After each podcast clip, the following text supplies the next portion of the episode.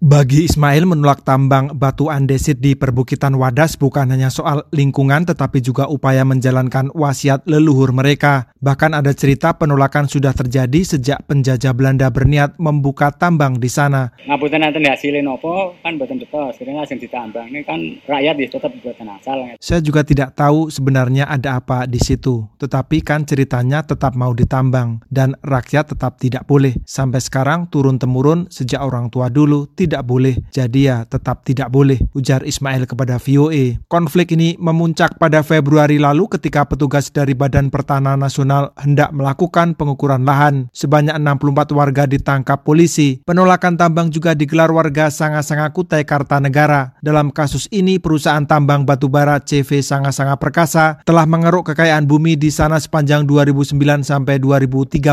Begitu izin tambang habis, perusahaan itu meninggalkan begitu saja lubang tambang tambang dan sisa kerukan tanah. Kerusakan berserak di lahan seluas 6 hektar dengan kedalaman hingga 50 meter, padahal letaknya hanya kurang dari 100 meter dari rumah warga. M. Zainuri, tokoh masyarakat Sanga-Sanga kepada VOA bercerita bahwa bekas tambang itu menjadi sumber bencana bagi mereka tempat kita itu kan konturnya bukit. Kita ada di bawah bukit. Terus ada parit besar gitu ya. Panjangnya mungkin sekitar 6 kilo lah paritnya tempat kita itu. Lebarnya 3 meter, dalamnya itu sekitar 3 meter. Nah karena konturnya itu bukit berpasir, ketika hujan turun itu banjir lumpur sama pasir ke kampung. Tidak mengherankan ketika perusahaan tambang itu akan memperpanjang izin, warga sepakat melakukan penolakan. Konflik antara warga dan perusahaan tambang terjadi di banyak daerah di Indonesia. Belum lama terjadi aksi penolakan tambang emas di Kabupaten Kabupaten Parigi Mutong, Sulawesi Tengah. Di Kabupaten Konawe Kepulauan Sulawesi Tenggara, masyarakat juga menolak tambang sejak 2019.